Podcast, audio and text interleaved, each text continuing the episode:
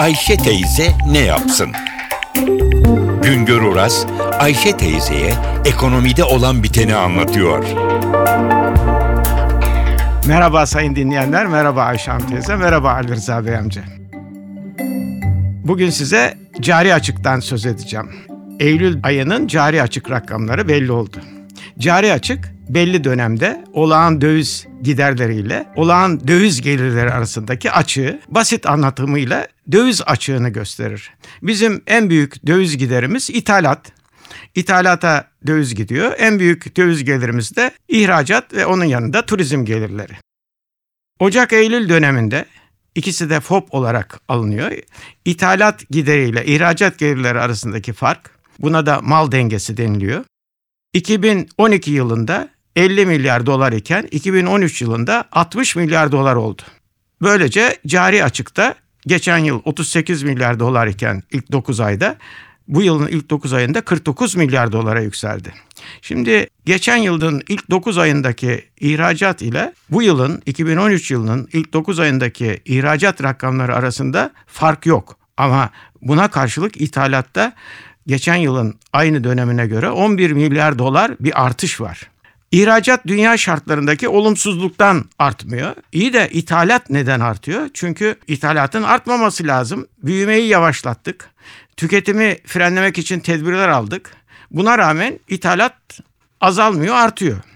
Bunun arkasında çok önemli bir neden var. Çünkü Türkiye tarımda ve sanayide üretim yapısını bozuldu.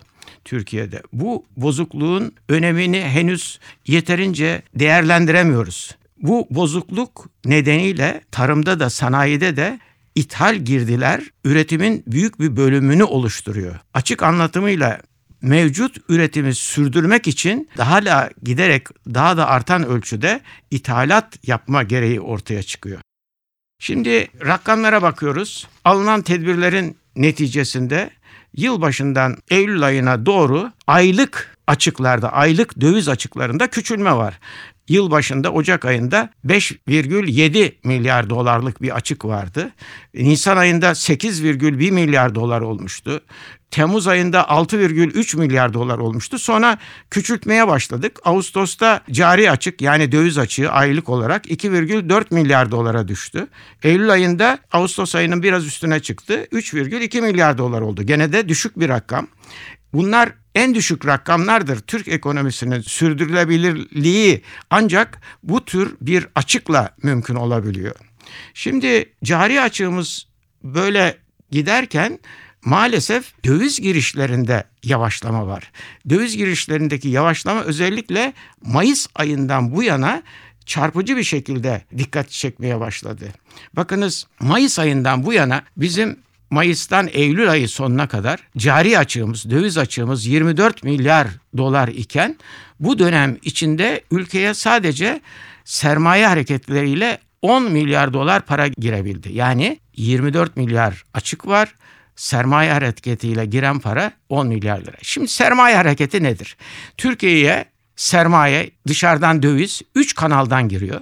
Biri doğrudan yatırım yapmak için gelen döviz. Diğeri portföy yatırımı yani hisse senedi almak için, bono almak için gelen yatırım. Nihayet üçüncü grupta da kredi olarak gelen döviz var. Son e, Mayıs ayından Eylül sonuna kadar 10 milyar 700 milyon dolar dolayında döviz girdi. Bunun 4 e, milyar 100 milyon doları doğrudan yatırım. 1 milyar 600 milyon doları portföy yatırımı, 5 milyar dolarlık bölümü ise döviz kredisi olarak girdi. Dikkat buyurulursa gene de her şeye rağmen döviz girişi devam ediyor. Bu çok önemli. Döviz girişinin devam etmesi Türk ekonomisinin bir yönde şansıdır.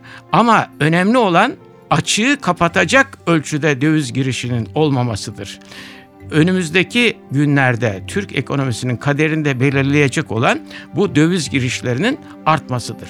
Bir başka söyleşi de birlikte olmak ümidiyle şen ve esen kalınız sayın dinleyenler. Güngör Uras'a sormak istediklerinizi ntvradio.com.tr adresine yazabilirsiniz.